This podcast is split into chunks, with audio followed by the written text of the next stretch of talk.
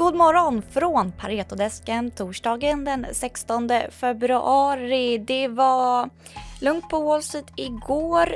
De tre ledande indexerna stängde på plus. S&P 500 stängde på plus 0,3% och Dow Jones plus 0,1% Marknaden fortsätter att bearbeta dels rapporterna som fortsätter att eh, strömma in men också inflationssiffran som kom i USA i tisdags.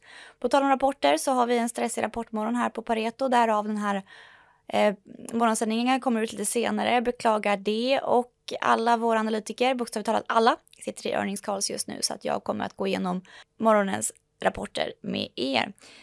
Vi börjar med SignUp Software som rapporterar en ARR 3% under våra förväntningar.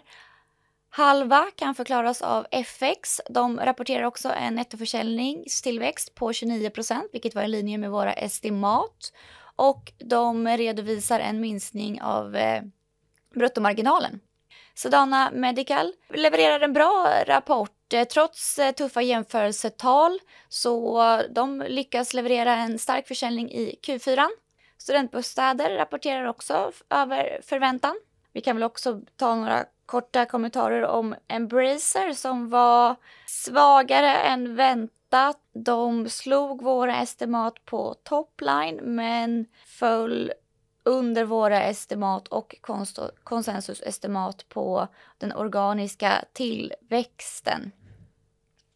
Vi har även fått rapport från Swedencare som rapporterar en nettoförsäljning 7% under våra förväntningar men den största besvikelsen var den organiska tillväxten som minskade med 5 men de, eh, på den positiva sidan så lyckas de att leverera en bättre marginal än eh, förväntat.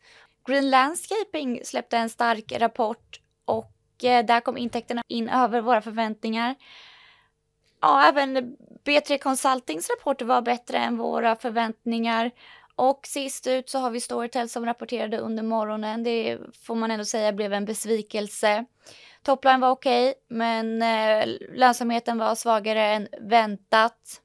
Och de guidar inte heller för 2023.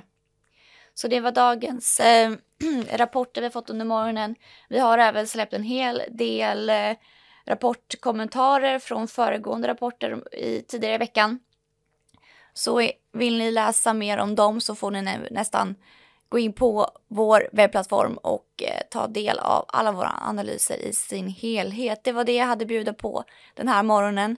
Något eh, kortfattat idag, jag vet, men vi kommer att eh, bearbeta rapporterna i lugn och ro och komma ut med mer djupläggande och grundläggande analyser på bolagen. Tack så mycket, ha en fortsatt trevlig torsdag.